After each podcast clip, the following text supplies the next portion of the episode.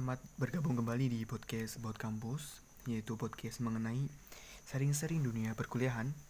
Kali ini kita akan ngobrol santai nih mengenai salah satu jurusan di perkuliahan. Apakah itu? Kali ini kita akan membahas mengenai dengan permesinan nih. Apa ya kira-kira? Coba tebak dulu deh. Yaps, benar sekali, yaitu teknik mesin. Dalam kali ini, saya nggak sendirian nih, tapi ditemani sama sahabat saya yang notabene dia menempuh program studi S1 Teknik Mesin. Jadi, nanti kita akan ngobrol santai mengenai hal tersebut. Nah, mungkin nanti obrol ini mewakili teman-teman yang penasaran atau ingin tahu mengenai lingkup dan ranah jurusan teknik mesin. Sebelumnya nih, mungkin sahabat saya Lukman bisa perkenalan lebih dahulu. Ya, halo teman-teman. Perkenalkan aku Lukman. Aku dari jurusan Teknik Mesin. Kebetulan aku menempuh kuliah di Untidar. Buat kalian yang belum tahu Untidar di mana, Untidar itu sebuah PTN yang masih tergolong baru dan itu lokasinya itu di Magelang. Mungkin sekian sih perkenalan dari aku. Oh ya. Jadi aku sama Lukman tuh satu fakultas dan kita satu angkatan ya Luk aku udah kebiasaan manggil Lukman tuh dengan sebutan Luk nih. Jadi nanti di podcast ini boleh lah ya kita manggil Luk aja ya? Ya bisa bisa. Oke, oke. jadi kita, kita nanti ngobrolnya santai aja gitu mengenai teknik mesin. Ini langsung aja yang pertanyaan pertama ini. Aku nih kum, uh, ngumpulin beberapa request dari al, apa sebelum anak-anak SMA gitu. Jadi sebelum dia kuliah aku request dulu pertanyaan-pertanyaan apa sih yang mungkin dibutuhin gitu. Yang pertama nih sebenarnya apa sih teknik mesin itu? Hmm, jadi gimana ya? Kalau ngomongin teknik mesin itu apa luas sih sebenarnya definisi dari teknik mesin. Mungkin gampangannya aku nontek aja ya biar bisa nggak merepresent biar bisa merepresentasikan hmm, apa, nah ya bentar tak cari dulu ya. Oke santai. Kita ngobrol-ngobrol santai aja gitu kan biar nambah cakrawala buat teman-teman nah gitu. gini. Jadi jurusan teknik mesin tuh identiknya dianggapan orang itu pasti melulu otomotif itu hmm. gak jauh-jauh dari motor atau iya, mobil. bener. gak jauh-jauh dari bengkel. Tapi sebenarnya tuh nggak nggak begitu juga sih. Iya itu ada otomotif. Tapi banyak cakupannya dari teknik mesin itu. Bisa da, apa kalau ngomongin cakupan ya itu bisa kayak konversi energi kemudian teknik produksi ilmu material itu juga kita pelajari di teknik mesin apa ya kemudian jadi nah dari matkul-matkul yang ada di di teknik mesin matkul-matkul yang aku pelajari itu sih kebanyakan kayak kita tuh dituntut untuk punya basic ke keilmuan fisika sama matematika yang kuat hmm. jadi kalau kita sebelumnya di SMA ya udah bisa mengikuti entah itu pelajaran fisika maupun eksak seperti matematika. Insya Allah sih fine fine aja kuliah di teknik mesin. Mungkin seperti itu sih. Oh jadi di teknik mesin tuh nggak melulu kayak mesin-mesin otomotif gitu ya? Oh enggak mas. Cakupannya lang- luas, ah, luas. luas ya gitu saking luasnya jadi bingung mau jadi, belajar apa. Kayak gitu ya Oke nih langsung lanjut ke request kedua ya. Ini kesan pertama nih masuk teknik mesin gimana Mas Lukman? Hmm, kesannya ya senang sih. Karena teknik mesin ini termasuk jurusan apa ya yang bisa dikatakan favorit gitu. Banyak banyak peminatnya. Nah di PTN di mana mana yang ada jurusan teknik mesin pasti itu jadi favorit gitu. Sedangkan aku bisa masuk ke teknik mesin khususnya Untidar yang hmm. ya aku syukuri dan itu pencapaianku itu itu dulu berarti linear ya sama SMA ya SMA nya IPA kan ya linear kebetulan linear, aku SMA ngambilnya hmm. IPA dan pas UTBK ngambil saintek uh, dulu waktu UNBK ngambilnya apa UNBK hmm. nah gini anehnya kebetulan pas UNBK aku malah ngambilnya biologi oh jadi bukan fisika atau kimia ya? bukan. ya nah uh. itu ah. yang kadang aku UNBK kok ngambil biologi. Tapi masuknya masa kuliahnya teknik, teknik mesin, gitu. tapi sih itu gak berpengaruh sama hmm, penerimaan ya. Itu kan murni menggunakan nilai UTBK gitu kan. Iya Nah, nggak sama sekali. Jadi Mm. sama sekali nggak ada hubungannya lah. Kamu Hmm. mau ngambil. Yang penting kelas 10 11 12 sudah mempelajari eksak benar-benar benar benar-benar mat eh matkul mata pelajaran eksak gitu ya. Nah ya itu. Kayak fisika biologi kimia tapi biologi ini nggak berpengaruh ya di teknik ya mesin? Wah nggak nggak sama sekali. Nggak sama sekali. Nggak ada matkul satupun yang bau-bau biologi. Oh, nggak Nggak ada atau ada. belum? Kalau misal kalau aku di teknik elektro ada nih. Jadi kayak mempelajari saraf gitu. Nanti kita tuh nyontoh saraf itu buat nyiptain aplikasi jaringan sistem saraf buat elektronika gitu. Hmm, kalau di mesin nggak ada gitu. Kalau menurut sepengetahuanku sejauh ini Hmm, belum ada sih belum ada ya? Belum ada. Belum ada ya? Oke. Jadi kesan kesan pertama masuk teknik mesin ya seneng gitu ya? Senang sama bangga lah sama Hmm. diri sendiri. Oh aku belajar UTBK setiap hari. Heeh. menyiapkan dari jauh-jauh hari. Oh bisa men bisa dapat jurusan teknik mesin yang tergolong ya jadi inceran beberapa orang gitulah. Termasuk jurusan yang ya bisa dibangga banggain sama orang gitulah oh ya oke siap kalau ditanya wah jurusan apa mas? Mesin, Mesin. gitu ya Wede. jawabnya pasti gagah.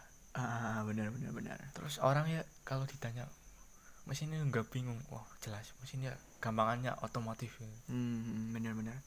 Cuma tadi yang kita kayak awal gitu mesin tidak cuma mencakup yang Hmm. otomotif gitu ya. Hmm, tapi luas lingkupnya ya. Luas. Hmm. nah sedangkan otomotif sendiri itu salah satu cabang lah dari teknik mesin. Oh gitu. Jadi salah satu ilmu yang dipelajari di, teknik mesin ya? Hmm, kayak gitu terus nih linear dengan pertanyaan dengan yang tadi di teknik mesin tuh mempelajari apa aja sih? Ini linear banget sih dari- sama yang tadi. Hmm. oh bentar ya. Nyari contekan dulu oh ya oh ya nggak apa-apa. Santai. Kita aku bener-bener ngobrol santai aja nggak apa-apa. Anu ya mas kuliahnya nggak jelas. Jelas lah kan teknik mesin santai aja nggak apa-apa. Hmm. gimana tadi mata kuliah ya? Bukan bukan mata kuliah tapi di teknik mesin tuh mempelajari apa aja gitu. Ya Hmm. mungkin ini cuma kayak general gitu sih. Hmm, jadi kalau di teknik mesin sendiri itu kayak ada peminatan peminatannya gitu loh. Hmm, mungkin sih di tiap-tiap perguruan tinggi itu bisa aja kayak sebutannya beda tapi kurang lebih secara umum itu sama. Nah aku mau sebutin itu ada beberapa peminatan. Yang pertama itu ada konversi energi. Jadi kalau peminatan ini itu lebih fo- berfokus kepada membuat mesin yang mengubah suatu energi menjadi energi lainnya. Contoh gampangannya kalau konversi energi ini sendiri itu misalnya kayak pembangkit listrik ataupun hmm, turbin semacamnya lah seperti itu. Hmm, gitu. Nah kemudian perancangan mesin. Nah jadi di, di peminatan ini fokusnya itu lebih kepada mendesain mesin dan simulasinya. Nah untuk peminatan ini tuh identiknya biasanya tuh pakai software. Ada beberapa software. Kita biasa nyebutnya komputer aided design atau CAD kemudian itu ada beberapa ada sempat ada sebutannya itu komputer aided manufacture atau CAM Hmm, Nah, untuk bikin semacam desain atau simulasi tadi itu bisa pakai software. Yang populer itu kadang ada SolidWorks terus ada Inventor. Kemudian yang populer lagi itu ada AutoCAD. Terus ada lagi ini material sama teknik produksi. Kemudian eh, mungkin seperti itu sih mas. Seperti itu ya jadi kalau ditanya teknik mesin itu mempelaj- mempelajari apa aja ya mengenai permesinan tadi ya. Mm, kayak konversi manufaktur iya. dan gitu-gitu ya gitu. Jadi gitu terus nih. Ada praktikum nggak sih di teknik mesin? Apa cuma teori? Oh ya jelas ada. Jadi apa ya kalau anak lulusan teknik mesin yang namanya fresh graduate lulusan itu nanti sama perusahaannya dituntutnya untuk ke lapangan. Jadi yang dibutuhkan itu skill-skill kita. Nah, skill itu bisa dapat dari mana? Pertama, bisa dapat dari kelas melalui ya melalui praktikum-praktikum itu tadi untuk aku sih selama ini kemarin praktikum belum dapat banyak sih bahkan ada beberapa yang masih kayak apa ya praktikumnya masih kayak praktikum pelajaran SMA gitu hmm. Hmm, terus kemarin juga udah belajar kayak ngoperasiin mesin udah dapat sih praktikum semacam itu udah dapat jadi setiap semester ada praktikum gitu udah ada tiap semester rata-rata berapa praktikum itu hmm, tergantung sih mas tapi kebanyakan paling banyak jadi untuk kurikulum di jurusanku sendiri hmm. mesinnya itu untuk kurikulum praktikumnya itu nggak terlalu banyak sih.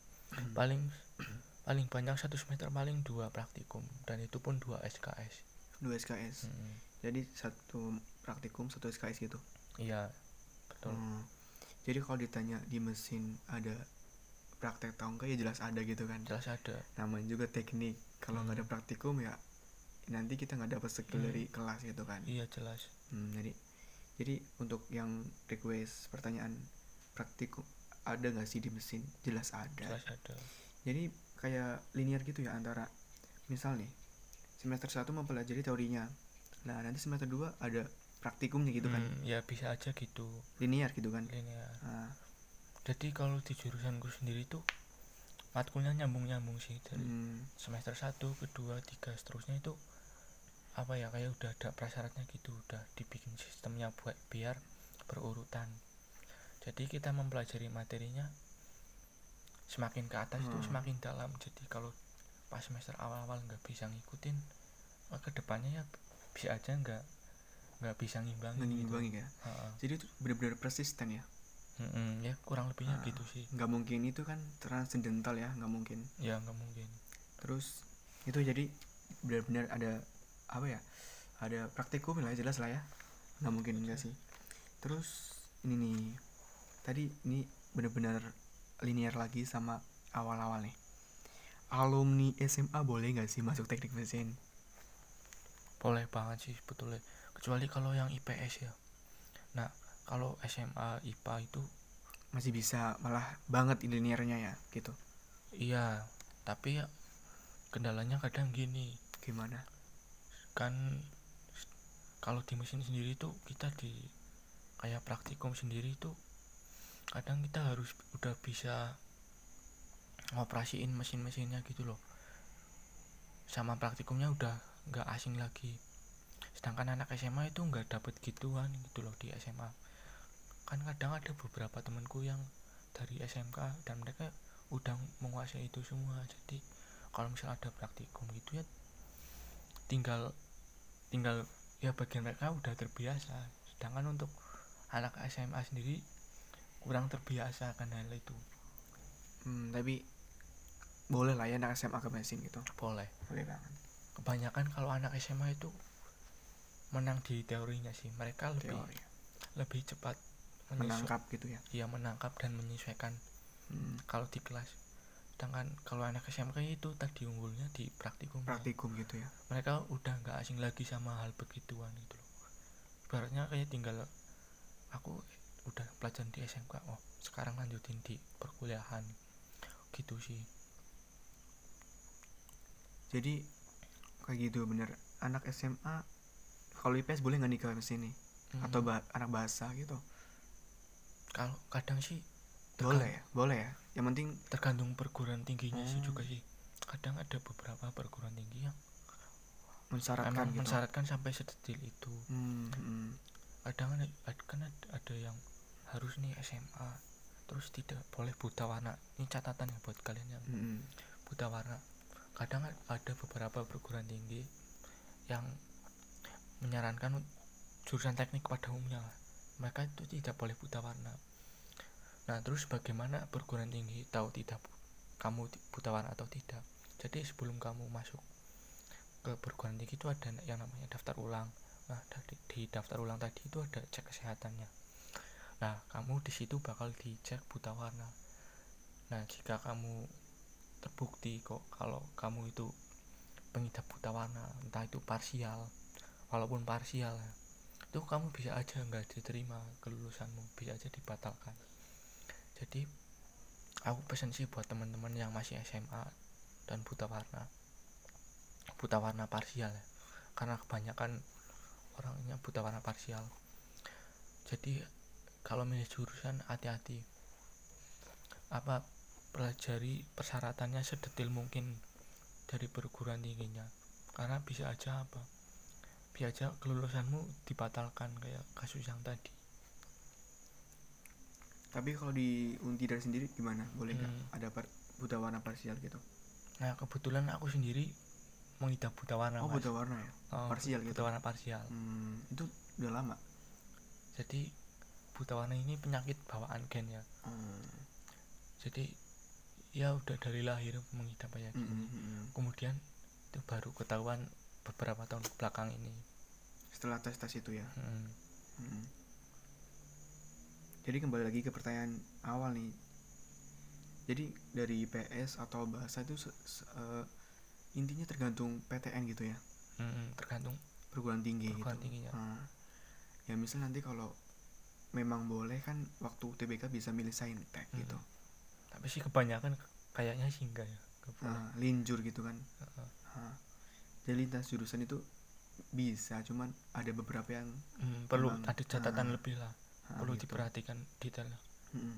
kebanyakan sih enggak kayaknya kalau teknik mesin dari IPS jarang. Aku lihat uh, temanku aja jarang. Jarang ya? Malah enggak ada enggak ada ya? Bener-bener dari SMK sama SMA, SMA IPA gitu. Uh. Oke oke. Kemudian nih persiapan sebelum masuk teknik mesin tuh apa gitu? Apa sih ya? Kalau aku sih gak ada persiapan apa apa sama sekali. Aku dulu sempat ingin belajar gitu nyari-nyari apa nyari-nyari materi perkuliahan teknik mesin kayak gimana. Tapi balik lagi males sih. Jadi nggak sempat nyari-nyari. Mungkin kalau aku ada pesen sih buat kalian ya yang bisa nantinya entah itu keterima atau dapat jurusan teknik mesin sebelum berkuliah ya di ibaratnya stalking stalking dulu lah sama teknik mesin kayak gimana kulturnya mereka gimana mata kuliahnya gimana kamu bakal masa depanmu kayak gimana di teknik mesin. Karena ya perkuliahan ini bisa menentukan masa depanmu juga toh kamu nanti lulus kuliah toh juga akan nyari kerja juga kan jadi perlu apa ya apa salahnya lah men menyiapkan lebih awal dari teman-temanmu hmm, jadi tips-tipsnya sebelum masuk teknik mesin ya lebih dekat lu du, apa dulu dengan teknik mesin hmm. gitu ya hmm. kayak stalking kemudian nyari-nyari referensi di yeah. berbagai medsos atau lainnya gitu kan hmm. jadi seperti itu jadi bagi kalian yang mau masuk teknik mesin benar-benar harus dideketin dulu biar enggak menyesal kemudian kemudian hari gitu ya. Hmm hmm, benar-benar. Kemudian nih di teknik mesin tuh berapa SKS sih? Hmm, ya tadi sih ya kalau di jurusan itu harus harus paketan ya mas. Kalau aku kan teknik elektronik kalau aku di jumlah itu 146 hmm. SKS nah kalau di teknik mesin tuh gimana? Hmm, ya kurang lebihnya sih gitu. Kan sama-sama teknik itu ya? Iya. Hmm, nggak beda jauh tapi kan tiap semesternya itu aku sempat ingin ngambil matkul-matkul semester atas tapi mm. sama dosenku nggak dibolehin nih sama dosen pembimbing itu hmm. soalnya tadi itu apa soalnya ada prasyarat gitu ya hmm, prasyarat mat, semester ha. iya matkulnya harus urutan nggak hmm. boleh loncat-loncat tapi ada nggak sih matkul yang itu boleh diambil di awal itu boleh nggak? Ada nggak? Ada sih beberapa beberapa ada. Ada ya? Kebetulan aku semester ini nggak boleh begitu. Kamu semester berapa toh? Semester 4 semester oh kita semester 4 ya lupa. Sorry sorry. Jadi tadi mengenai itu nggak berarti itu ya boleh ya? Mengenai apa? SKS itu kita harus ya ada yang boleh ada yang enggak gitu kan matkulnya gitu? Ha, boleh. Kurang lebih 146 SKS gitu ya sama, sama. nanti tugas akhir atau skripsi ya? Sama hmm, kayak gitu. Kemudian ada request lagi nih. Ini kayaknya ini important nih. Anak-anak di teknik mesin tuh bagaimana gitu? Ceritain hmm. boleh nggak mas? Jujur hmm, aja. gimana ya? Kita objektif aja gitu. Ya jadi buat kalian yang belum tahu nih jadi kalau masuk teknik mesin tuh kebanyakan tuh laki-laki. Satu. Hmm, hmm.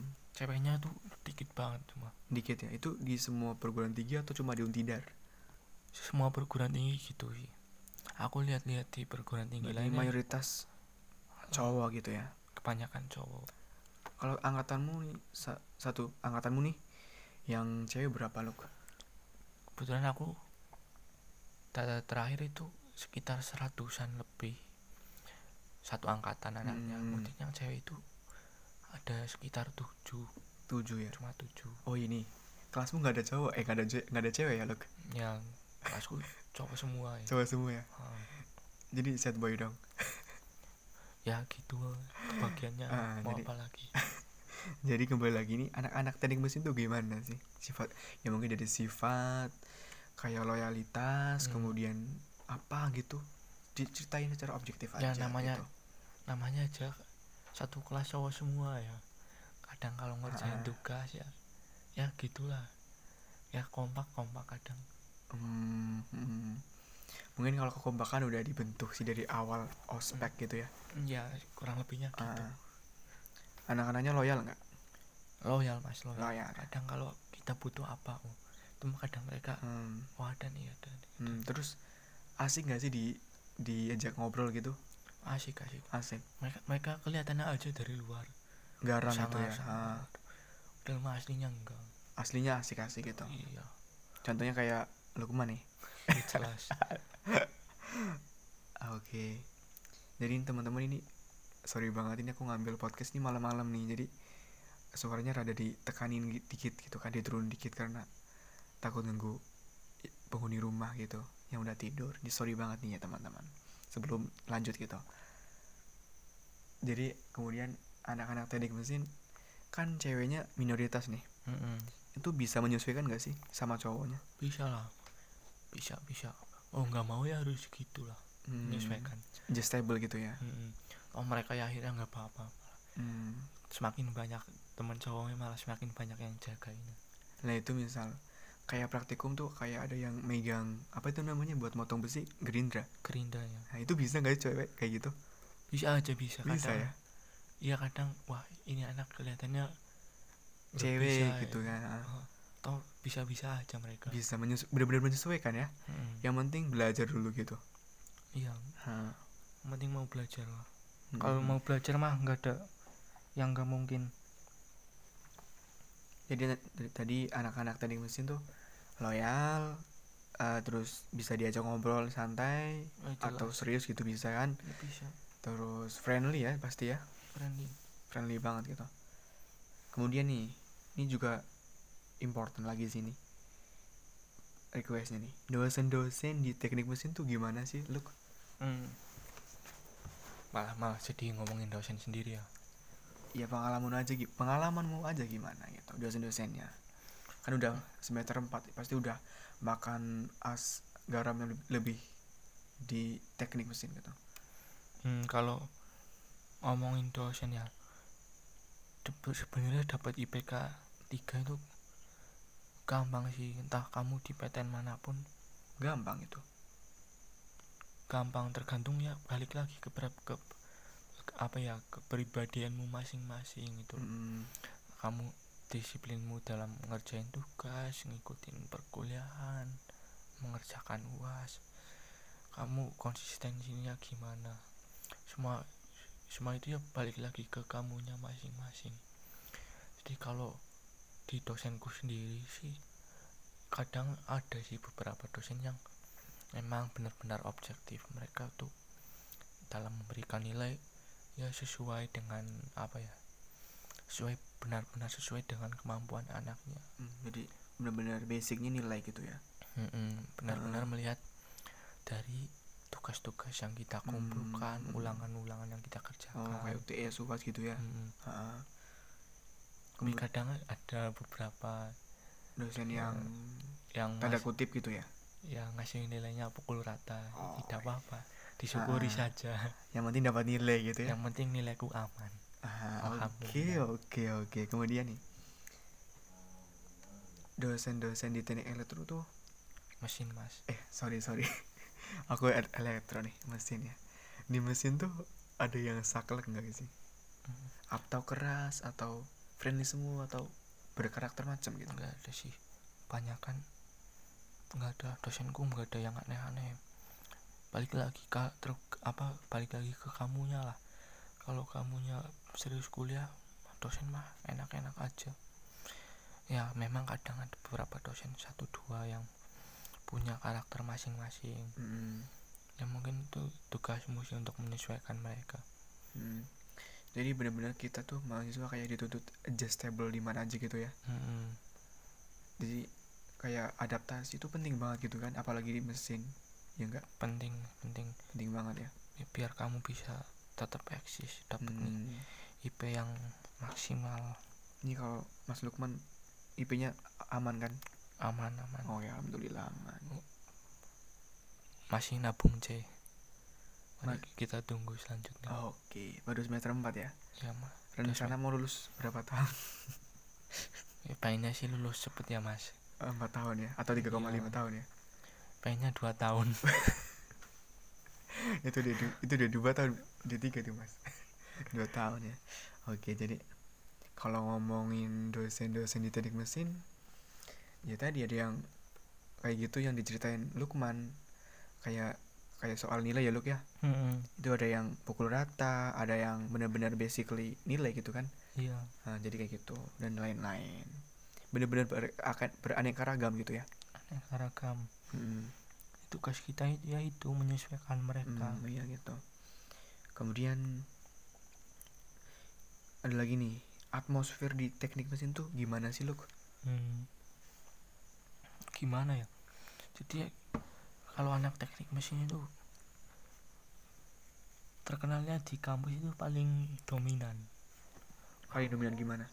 Orang dengar nama mesin wah mesin mesin mesin. Mm, di wah kita kayak udah punya superior superioritas gitulah semacam gitulah. Jadi kayak kayak gitu ya? Mm-mm. jadi kayak superstar gitu superstar. Di Ya, fakultas su- atau superstar ya enggak mas. Jadi ya apa ya kayak superior gitu? Superior enggak Enggak mas. juga. kayak, kayak lebih menonjol gitu. Ya orang dengar nama mesin wah pasti beda itu itu kira-kira kenapa mas bisa kayak gitu? Mungkin itu sih. Jadi kita dari ospek ya itu sama sama abang-abang di himpunan itu ya itu udah di biar dididik biar ah biar kompak biar saling Hmm. ngingetin sama temennya Solid- solidaritas gitu ya? solidaritas. Mm-mm. jadi sekali lagi atmosfernya Hmm, jadi kayak gitu? Hmm, jadi karena didikan kayak gitu akhirnya wah terus dipandang sama anak-anak jurusan lain fakultas lain. Hmm, akhirnya menimbulkan kesan wah, anak mesin menonjol menonjol gitu. Jadi gitu ya atmosfernya ya. Mm. terus nih ada request lagi nih sebenarnya kayaknya tadi udah dibahas sih cuman dibahas lagi nggak apa-apa sih. Nilai di teknik mesin tuh gimana sih Luk? maksudnya nilai ya nilainya di teknik mesin Hmm. nilai matkul gitu. Susah nggak sih gitu? Mm, kalau di tempatku ya buat dapetin nilai tiga itu sebenarnya mudah. Tapi kan kadang yang namanya mahasiswa punya kesibukan macam-macam. Entah itu di organisasi ataupun kegiatan apa itu kadang kadang kadang mereka nggak bisa ngimbangin akademiknya akhirnya ya nilainya mereka yang jadi korban. Tapi sih kalau secara umum loh ya kalau mau dapetin nilai tiga itu gampang. Apalagi kalau mau kumlot ya perlu effort lebih perlu usaha lebih lagi. Hmm. jadi sekali lagi kalau nilai-nilai di teknik mesin tuh sebenarnya nilai 3 mudah. Udah dapat IP 3 mudah, mudah. Mudah. Berarti rata-rata ada yang AB AB B gitu ya? Mm-mm. jarang yang C gitu? Jarang. Mungkin kalau asal nggak aneh-aneh aja dosen tuh nggak tega mau ngasih C. Yang Hmm. penting kuliah rajin ngumpulin tugas nggak pernah telat kuliah nggak pernah skip Hmm. uas UTS lancar insya Allah dapat dapat A. Tergantung dosen. Oke okay, siap, siap. Jadi nah gitu ya. Terus kemudian nih skill apa aja sih yang harus ada di teknik elektro elektro dong? Mesin. Elektro terus. Mesin mesin mesin. Apa ya? Jadi tadi itu kalau ngomongin mesin tuh luas banget sebenarnya. Itu ada konversi energi. Ini ngomongin skill. Nah iya. Hah? konversi energi ada manufaktur hmm. ada perancangan. Jadi karena apa ya luasnya bidang yang dipelajari. Jadi hmm.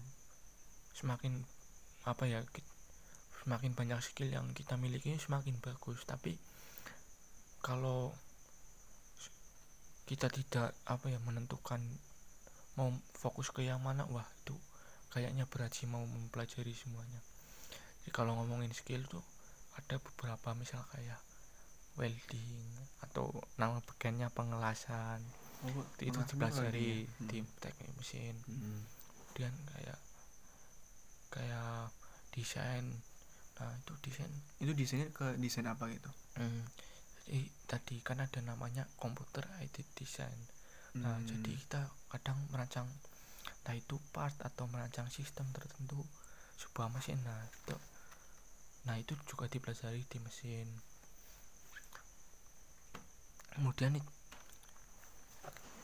ada mungkin kayak semacam pelapisan logam itu juga ada nah sedangkan di mesin sendiri itu ada, ada apa ya aku pernah dengar anu apa skill las bawah laut itu gajinya lumayan banget hmm. tapi resikonya gede banget itu basically-nya itu ya pengelasan welding ya? pengelasan tapi hmm.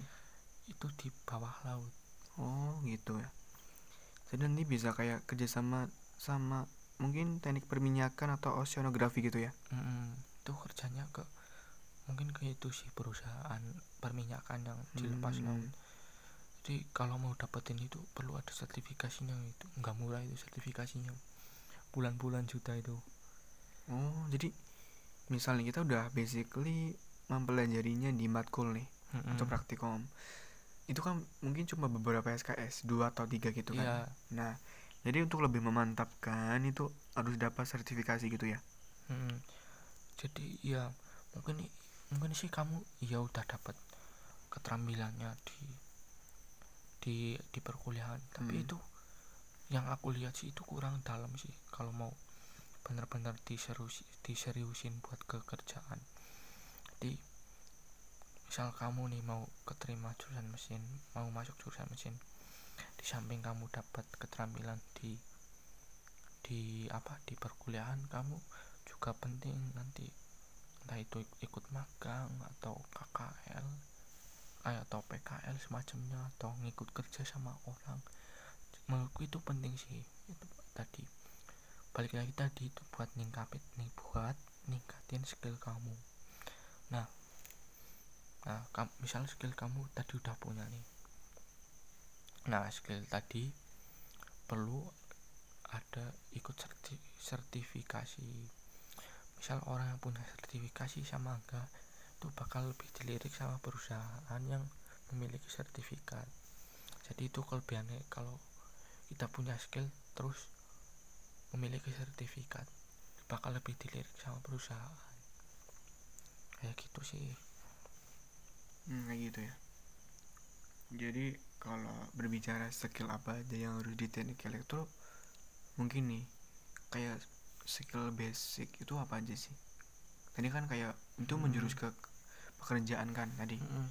kayak ini basicnya aja basicnya di teknik mesin tuh gimana hmm. skillnya yang harus dikuasai mungkin ini sih kalau kamu pengen ya yang wajib dikuasai ya hmm. misal ada nih kayak programming coding coding. Nah itu ada beberapa bahasa pemrograman yang kadang dipakai sama anak-anak lulusan teknik mesin. Itu biasanya pakai bahasa apa itu? Bahasa C++ kayaknya mas kalau nggak salah. Bahasa C++ ya? Hmm. Hmm. terus kayak pengelasan tuh kamu juga perlu. Ya sedikit-sedikit tahu lah lu. Hmm. habis lulus dari itu juga perlu terus ini desain desain CAD sama desain cam. Itu penting wajib itu penting. Dan mungkin itu bisa dapat dari nanti tugas entah itu tugas-tugas kuliah atau kamu ikut ikut-ikut proyekan ini mungkin bisa dapat dari situ skill-skill semacam ini sih.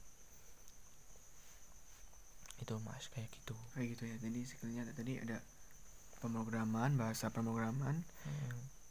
Ngelas tadi ya? Ngelas welding hmm. sama tadi apa? Desain. desain gitu ya.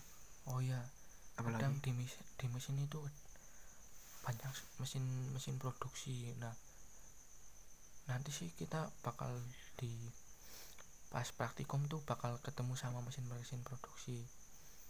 Nah mungkin kamu di situ bisa belajar di situ. Itu juga penting sih menurutku buat seorang lulusan teknik mesin buat menguasai mesin-mesin produksi kayak gitu. Kayak gitu ya. Ada tambahan lagi nggak? Hmm, nggak ada sih. Nggak ada jadi sebentar gitu ya. Hmm. Hmm, kemudian nih. Paling cepet tuh lulus berapa tahun sih di teknik mesin?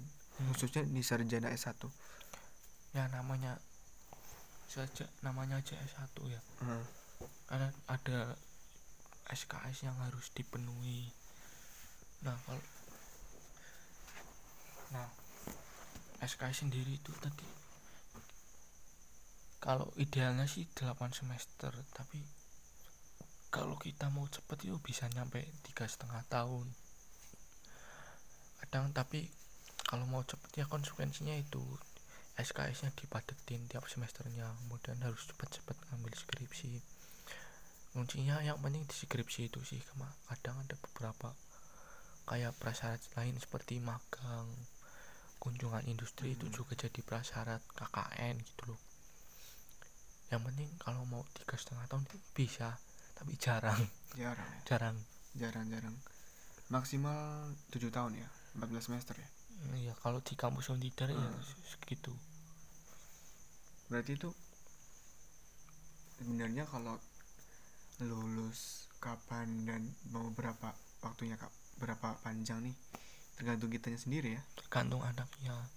Tapi ya kadang namanya oh, anak udah semester 2 mau mulai niat aja susah apa? Hmm. apalagi mau ngerjain tuh hmm, gitu ya. Apalagi teman udah ya udah urusannya sendiri sendiri ah, dia udah nikah kerja gitu ya. Hmm.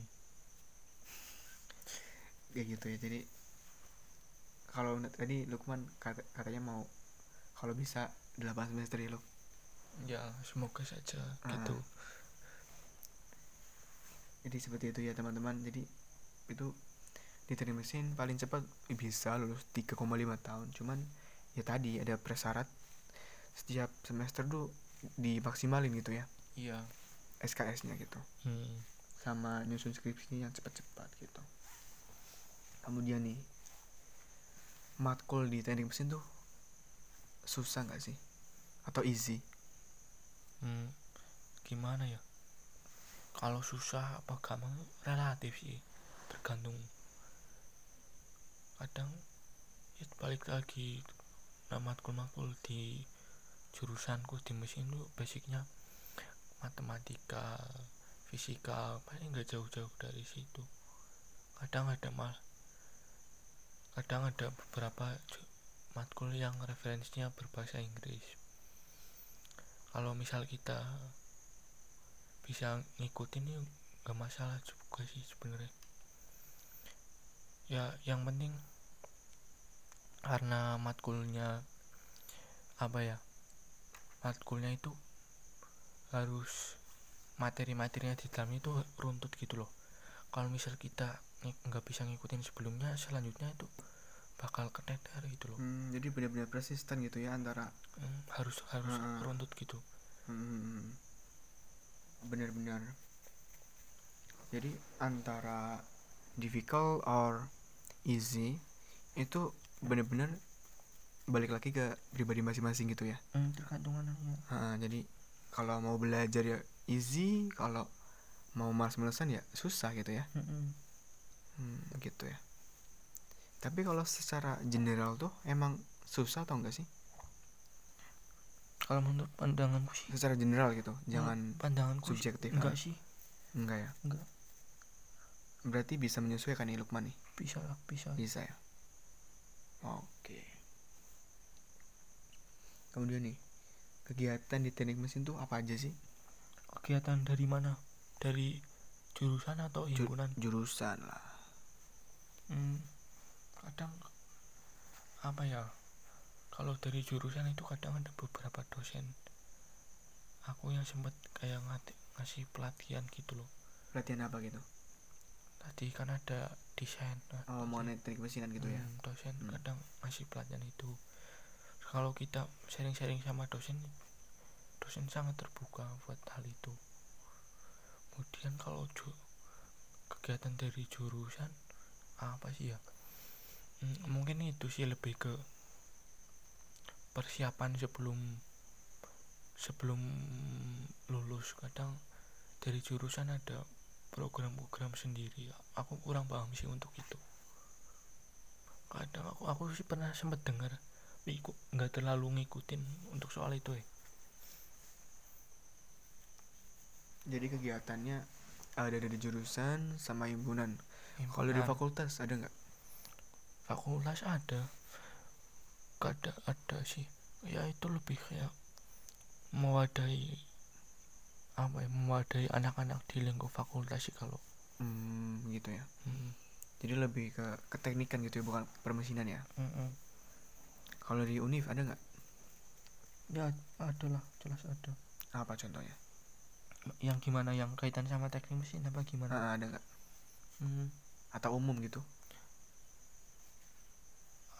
Kalau lihat aku sejauh ini belum ada sih kayaknya sih. Belum ada ya mungkin akunya yang kurang update ya. Oh, berarti belum menemukan uh, sih. Ah. tapi mungkin kayak webinar webinar itu univ menyediakan kan buat umum gitu? Hmm, iya itu. Kayak K3 atau kadang iya apa gitu kadang aku lihat di beberapa kampus lain itu ya benar-benar di difasilitasi oleh jurusan itu loh buat entah itu sertifikasi atau pelatihan benar-benar disediain sama jurusan. Ini tuh catatan sih buat kampusku buat biar ngadain begituan. Hmm, jadi oh, kayak gitu ya. Kemudian prospek kerja di teknik mesin tuh bagaimana? Hmm, luas banget sih kalau ngomongin prospek kerja. Nah balik lagi ke situ kamu apa ya saking luasnya saking luasnya keilmuan kita jadi mau nggak mau itu harus lebih spesifik gitu loh. Kamu mau arahnya ke mana? Mau kerja di mana? Biar apa? Biar kamu lebih bisa fokus memperlihatkan arah ke situ. Jadi kamunya lebih matang di situ. Kalau misalnya nggak fokus ke mana-mana sana sini diikutin akhirnya jadi ngambang. Kamu nggak malah akhirnya nggak menguasai. Nah dengan perusahaan kalau ngomongin prospek kerja wah namanya perusahaan pasti setiap perusahaan ada mesin. Nah di situ lulusan mesin itu bisa masuk. Nah itu sebagai operator teknisi ataupun ya orang dibalik orang dibalik apa ya beroperasinya mesin-mesin tadi itu. Jadi kalau ngomongin itu bisa masuk ke semua perusahaan sih. Jurusan teknik mesin. Nah kalau jadi tenaga kependidikan boleh nggak? Ada sih kalau mungkin kalau mau jadi guru gitu ya ataupun dosen kalau mau jadi guru mungkin kayak ada sertifikasinya lebih lanjut apa PPG gitu ya? Ya mungkin itu PPG namanya. Hmm. kurang tahu. Mungkin kalau dosen kamu bisa lanjut S2 hmm. ini kalau Lukman sendiri mau jadi apa pengen ini jadi diri sendiri mas. Ya maksudnya yang sesuai dengan prospek kerja dong. Oh. Aku ini sih pengen pengen nganu sih fokus ke desain gitu. Desain gitu. Hmm, soalnya apa? Nanti kalau aku bisa desain itu enaknya aku bisa ikut di perusahaan bisa. Terus kalau aku desain sendiri sendiri itu nanti ikut freelance freelance atau ngerjain proyekan orang hmm. itu kan lumayan bisa buat tambahan sendiri. Gitu sih mas. Nggak berminat S2 gitu jadi dosen atau apa? Hmm belum berminat belum berminat. Sampai sekarang belum berminat ya belum. Tapi nggak tahu nanti gitu ya uh, menyesuaikan. Pengennya itu fokus ke desain. Desain. Kemudian tadi kan pengennya Luk Lukman nih pengennya desain nih.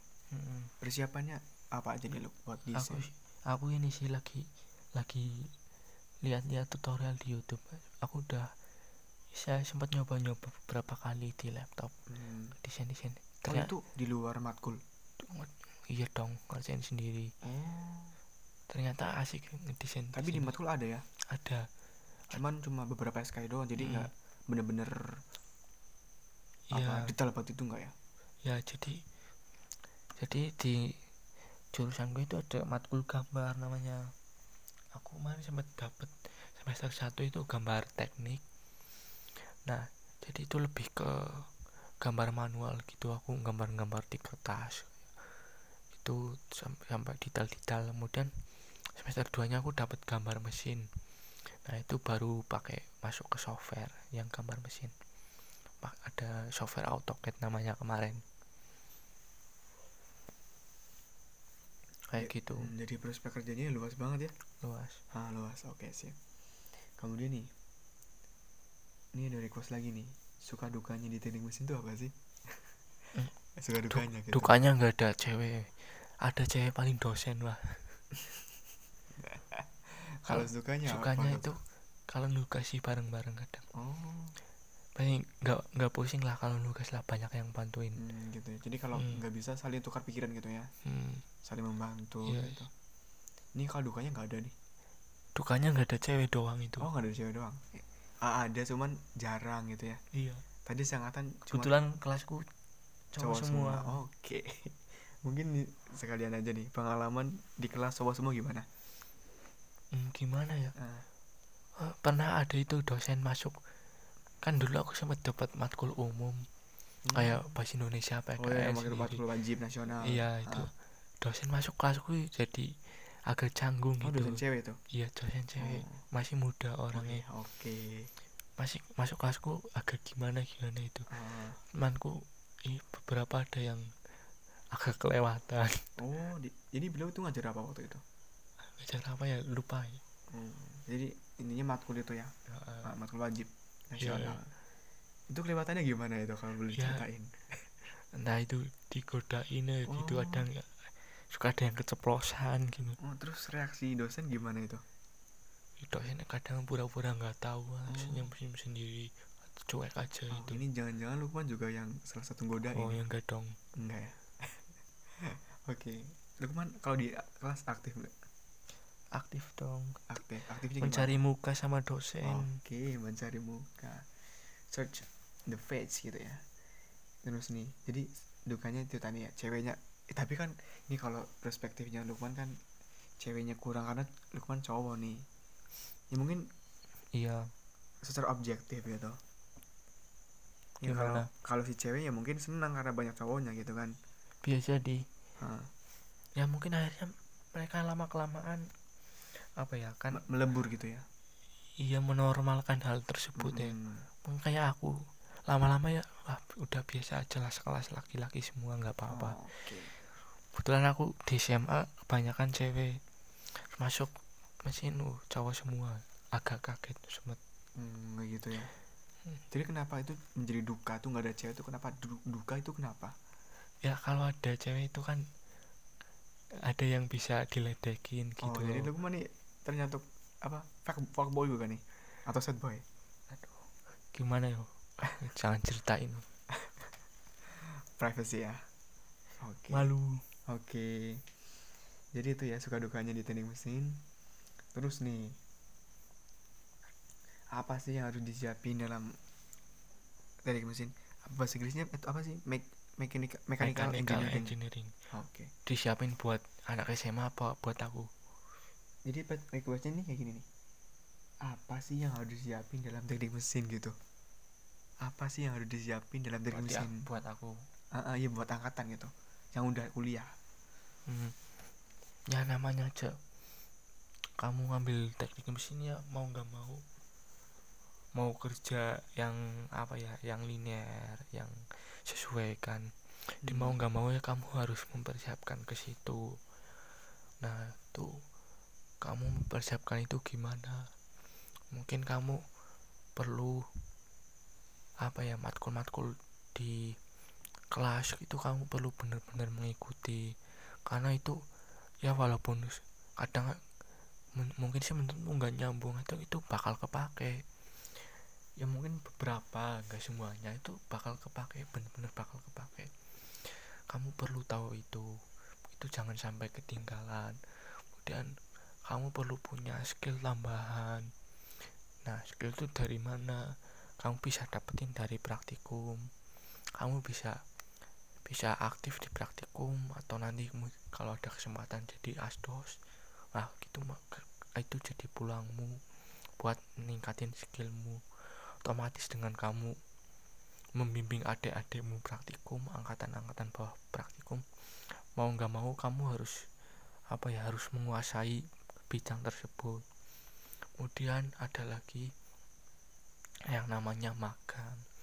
Nah magang sendiri kalau di teknik mesin itu sudah jadi SKS tersendiri. Nah nanti kamu bisa ambil semester di semester atas. Tapi untuk magang sendiri tuh kamu bisa atas inisiatif pribadi. Kamu bisa ngajuin ke perusahaan. Kadang ada perusahaan yang memang welcome kok buat kamu apa buat dilamarin magang sama kamu buat nerima magang kamu. Atau kamu bisa juga ikut bengkel sama orang entah itu ngelas atau bengkel motor itu juga bisa buat ningkatin skillmu itu bakal jadi daya tawar kamu nanti setelah lulus. Terus ini sih kadang apa ya sertifikasi. Nah di perusahaan itu kadang mensyaratkan dalam perusahaan dalam merekrutkan orang itu kadang mensyaratkan sertifikasi. Nah dan sertifikasi itu buat apa ya buat standar kemampuanmu lah. Buat standar apa ya buat tolak ukur kemampuanmu seberapa. Nah itu pentingnya sertifikasi di mata perusahaan buat pembuktian gitu ya, ya nggak cuma pembuktian. om omong doang itu -ha. sebenarnya kalau tanpa sertifikasi kalau kita udah handal ya juga bisa gitu. Bisa tapi kadang perusahaan itu butuh Membutuhkan bukti butuh gitu. itu. Melampirkan buk di surat surat lamaran ya? Mm -mm. kayak gitu ya? Hmm, ya kayak gitu. Hmm. terus nih organisasi di teknik mesin tuh apa aja sih Hmm. maksudnya yang di sarjana gitu. Jadi kalau di tempatku itu yang di tempatku ya di mesinku itu ada himpunan. Nah sedangkan himpunan sendiri itu ada ada ada apa ya semacam sub-subnya gitulah ada sub organisasinya itu ada kayak yang bergerak di akademik sendiri itu ada. Kemudian ada yang di kayak supporteran gitu itu juga ada. Hmm, ada Nah, oke ini yang kadang yang supporteran ini yang kadang bikin menarik bik- yang menarik untuk dibicarakan. Dan supporteran itu bisa tak bisa nanti tampil pas an- turnamen antar jurusan itu bisa. Terus itu pas lulusan pas kelulusan pas wisuda.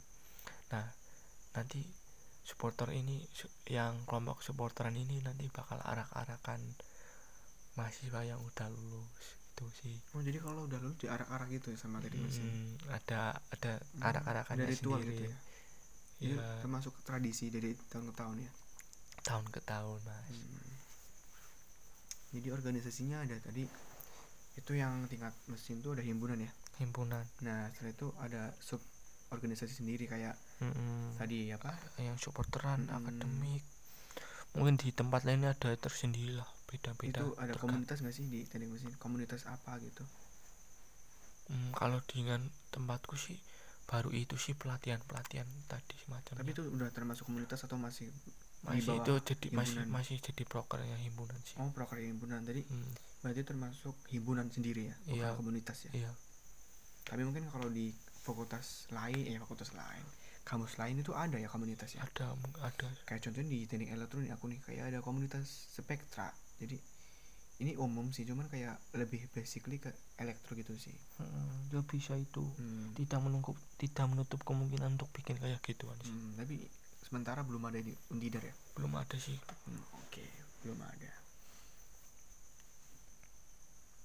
Jadi kalau di teknik mesin ya benar-benar cuma himpunan doang ya karena di jurusan Iya. kalau rananya udah ke fakultas itu ada DPM BMKM gitu ya mungkin kalau apa ya yang satu di kampus-kampus yang angkat satu angkatannya banyak mungkin sih itu bisa tidak menutup kemungkinan bisa apa komunitas-komunitas bisa lebih bermacam-macam lagi untuk mewadai mewadai minat bakatnya anak-anak mesin hmm. itu sih jadi frekuensi dari organisasi itu sendiri tergantung ya sumber daya manusia uh, sumber daya mahasiswanya ya gitu ya. Hmm. kayak gitu. Terus nih kalau di Untida sini kan ada D3 sampai satu teknik mesinan hmm. itu bedanya apa sih? Hmm, jadi gini sih kalau D3 itu kan mereka tiga tahun ya. Hmm. jadi mereka udah difokuskan ke kayak lebih ke banyak praktikumnya. Bener-bener ke engineer gitu ya? Praktikumnya gitu. Hmm. kemudian bidangnya mereka itu udah lebih dispesifikkan lagi ke hmm. otomotif hmm. gitu loh. Jadi mungkin bedanya sih kalau segi keilmuan sebenarnya sama. Mungkin bedanya itu lebih ke kayak praktiknya itu. Mereka hmm. lebih banyak praktikum oh, iya, praktikumnya iya, gitu. Jadi aku pernah berliterasi di beberapa literatur itu jadi suatu literatur itu kalau S1 tuh kita dibentuk sebagai kayak kayak ilmuwan cendikiawan gitu ya. Iya kayak gitu. kalau yang D3 itu kan apa sih aku lupa, aku lupa ya ahli media oh, ya, ahli media itu. Jadi tuh kayak lebih ke praktisi ke teknisi gitu ya. Iya. Bener-bener ke engineer gitu. Hmm. kalau yang sarjana strata itu lebih ke basically ilmuwan gitu ya. Iya mas begitu. Hmm. ditempa mengenai teori-teori gitu. Coba ya tapi tidak menutup kemungkinan ada praktiknya gitu kan. Iya ada praktikum uh, ada diselipin praktikum gitu jadi itu ya bedanya ya. Kemudian kemudian nih uh, uh, ini ada beberapa request lagi sih. Nah ini nih. Pasti di, di, di teknik mesin ada dong yang namanya ospek jurusan. Ya ada. Nah itu boleh nggak sih diceritain pengalaman lu?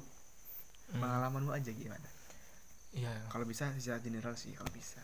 Hmm, jadi jadi ospek dirian di mesin ini seru sih sebenarnya. Nah di situ kita bakal kegiatannya macem-macem. Ya inti oh ini recordernya jatuh nih nggak apa-apa ya. Oh iya masih ke record masih nih? Oh iya masih. Oke lanjut. Sorry guys. Nah jadi kalau recordernya tadi jatuh. Oke yuk lanjut mas Lukman. kalau ngomongin ospek jurusan ini sebenarnya seru sih kalau kita niat aja ngikutin ya seru bareng-bareng sama teman. Jadi ospek jurusan itu nantinya dari himpunan bakal membentuk pribadi kita yang biar lebih solid lagi hmm. sama angkatan. Intinya gitu sih lah. Itu itu ya aku, aku bertanya secara apa ya objektif gitu ya. Keras gak sih di aspeknya teknik mesin kalau menurutku pribadi sih enggak sih enggak, enggak keras. keras. Ini mungkin bukannya, ada sebagian um, orang yang ngomongin keras gitu. Tapi bukannya emang di teknik mesin tuh kayak basically tuh apa ya benar-benar ditempa buat benar-benar engineer gitu. Hmm. ya kan mechanical engineer gitu kan. Iya gitu sih. Tapi tapi menurutmu nggak keras ya? Kalau menurut pendapatku pribadi enggak sih. Mungkin enggak ada keras. sebagian anak yang ngomongin gitu. Ha. ya menurutku biasa aja lah biasa aja jadi pandangan orang-orang kayak jadi mesin tuh ospeknya keras banget gitu itu bisa iya. di bisa ditampik ya ya namanya pandangannya masih tergantung persepsi masing-masing gitu iya, ya hmm oke okay, oke okay. Jadi pengalaman cuma gitu atau ada lagi? Seru sih. Oh iya aku dulu ada makrab pas acara mesinnya itu. Namanya apa itu? Lupa namanya. Jadi selama Oh itu apa namanya? Aku lupa. Aku juga. Aku pernah. Apa sih lu namanya ya? Lupa. Lupa ya. Jadi itu kayak semacam makrab di situ nanti kita nginep tiga hari dua malam kalau nggak salah nah itu acaranya macam-macam ya intinya apa ya makrab itu ya biar apa biar merekatkan antara mahasiswa baru dengan ya tadi yang ada elemen-elemen yang ada di mesin entah itu. Cutting atau lain sebagainya. iya, nah, kayak gitu ya. Mm-mm. terus ada lagi nggak pengalaman yang excited atau apa gitu? Di luar dugaan atau apa gitu? Ada nggak sih? Nggak ada sih. Nggak ada. Mm. ini benar-benar pengalaman cuma gitu atau ada lagi? Gitu doang mas. Gitu doang ya? Jadi bisa ditampik ya kalau ospek jurusan di mesin tuh keras ya. Bisa. Hmm, menurutku bisa menurutku. Bisa ya. Atau, atau tadi kembali lagi ke persepsi masing-masing ya pandangan masing-masing. Iya mas. Gitu ya. Kemudian nih eh di mesin tadi kan ini kayaknya udah dibahas tadi sih cuman ini dari gue gitu nggak apa-apa ya? Iya. Oke. Belum ngantuk kan belum mas belum belum belum, belum, oke jadi ini podcast ini diambil jam 12 hampir jam 12 nih. Oke kemudian di mesin tuh kan terkenal mayoritasnya tuh cowok nih. Iya. Tanggapanmu gimana? Hmm. nggak apa-apa sih ya emang apa ya apa anak-anak mesin itu dalam bekerja itu dituntut untuk pakai fisik sih. Jadi ya gitu akhirnya. Yang masuk mesin kebanyakan anak cowok. Anak cowok ya? Hmm, jadi ng- nggak apa-apa? Hmm, menurut menurutmu nggak apa-apa? Nggak apa-apa. Ini ada request lagi tapi ini rada-rada sensitif nih. Bisa dipertanyain nggak? Apa emang? Nggak apa-apa nih? Hmm, ya bisa bisa. Nggak apa-apa. Ada request nggak ya nggak sensitif ini mas. Nggak apa-apa. tanyain aja. Oh, oke. Nih di mesin kan udah terkenal banget sih ya di fakultas di kampus mana pun gitu. Ada yang namanya M forever. Itu apa sih maksudnya? Hmm, hmm, gini sih mas. Jadi yang benar tuh solidarity M forever. Oh ada. Oh ini, ini mohon maaf banget ya buat teknik mesin aku salah nyebut. Hmm. jadi solidarity M forever gitu ya. Itu maksudnya apa? ya jadi kalau ngomong solidarity itu artinya solidaritas Hmm. atau rasa kebersamaan rasa ke rasa kesatuan kepentingan Hmm, simpati. Gitu ya. Mm, M nya sendiri apa mesin? Mesin. Oh, jadi mesin jadi atau mekanikal? Mekanikal kayak mas. Oh jadi solid nyambung eh mesin Ah, mesin ding oh, mesin. mesin oh jadi solidarity M forever. Tadi itu tuh intinya M nya menuju ke mesin Hmm, gitu ya. ke- bisa diartikannya kebersamaan untuk selamanya. Hmm. nah kemudian logo logo dari M solver kita biasa oh itu nyebutnya M solver M namanya? M solver biasanya nyebutnya M solver. Itu kenapa? Dari Solidarity M Forever kok bisa disebut M Solver itu? Ya atau biar enak aja disebut Oh, itu. gitu ya. Hmm, hmm, hmm. Nah biasanya logo in- ini tuh nempel di baju bajunya himpunan baju oh bajunya PDH anak mesin. PDH ya. gitu ya? Atau baju korsa kalau Hmm. ini nyebutnya korsa jadi kalau PDH apa pakaian dinas harian gitu ada juga? Ada. Itu warnanya apa aja sih mas? Logo itu? Hmm, jadi di logonya itu ada tuh tulisan solidarity forever sama huruf M gede. oh M nya tengah-tengah gitu ya Mm-mm. oh itu bagus gak sih apa bagus banget ya bagus Ya. banget ya Ya bagus sih menurutku. Jadi anak mesin se Indonesia itu apa ya? Ya dipersatukan oleh logo ini gitu. slogan itu ya Ya hmm. ada apa tadi Solidarity M forever. Forever. Wah mantap sih teknik mesin ada logo pemersatu se Indonesia se apa ya Se Indonesia. se Indonesia mengenai mes- permesinan gitu ya. Mm-mm. Oh alah. Jadi aku tadi nyep, salah nyebut cuma M Forever aku minta maaf bener-bener nih. yang bener kan Solidarity M Forever ya. Ya, Oke. Jadi solidaritas mesin untuk selamanya gitu ya. ya kurang lebihnya Kurang gitulah. lebih gitu kalau diakronimkan ya. Kayak gitu. Kemudian ini requestnya udah sih selesai sih. Ada lagi nggak sih yang perlu dibahas Hmm, di teknik mesin? nganu sih aku mau pesen sih buat buat kamu yang apa ya masih bingung nentuin jurusan gitu gini misal kamu kayak dilema gitu mau wah Untidar masih akreditasi B oh ini di Untidarnya mm -mm. oh, oke okay. Apa ya jangan jangan ragu-ragu lah. Iya nggak apa-apa kuliah di akreditasi B hmm.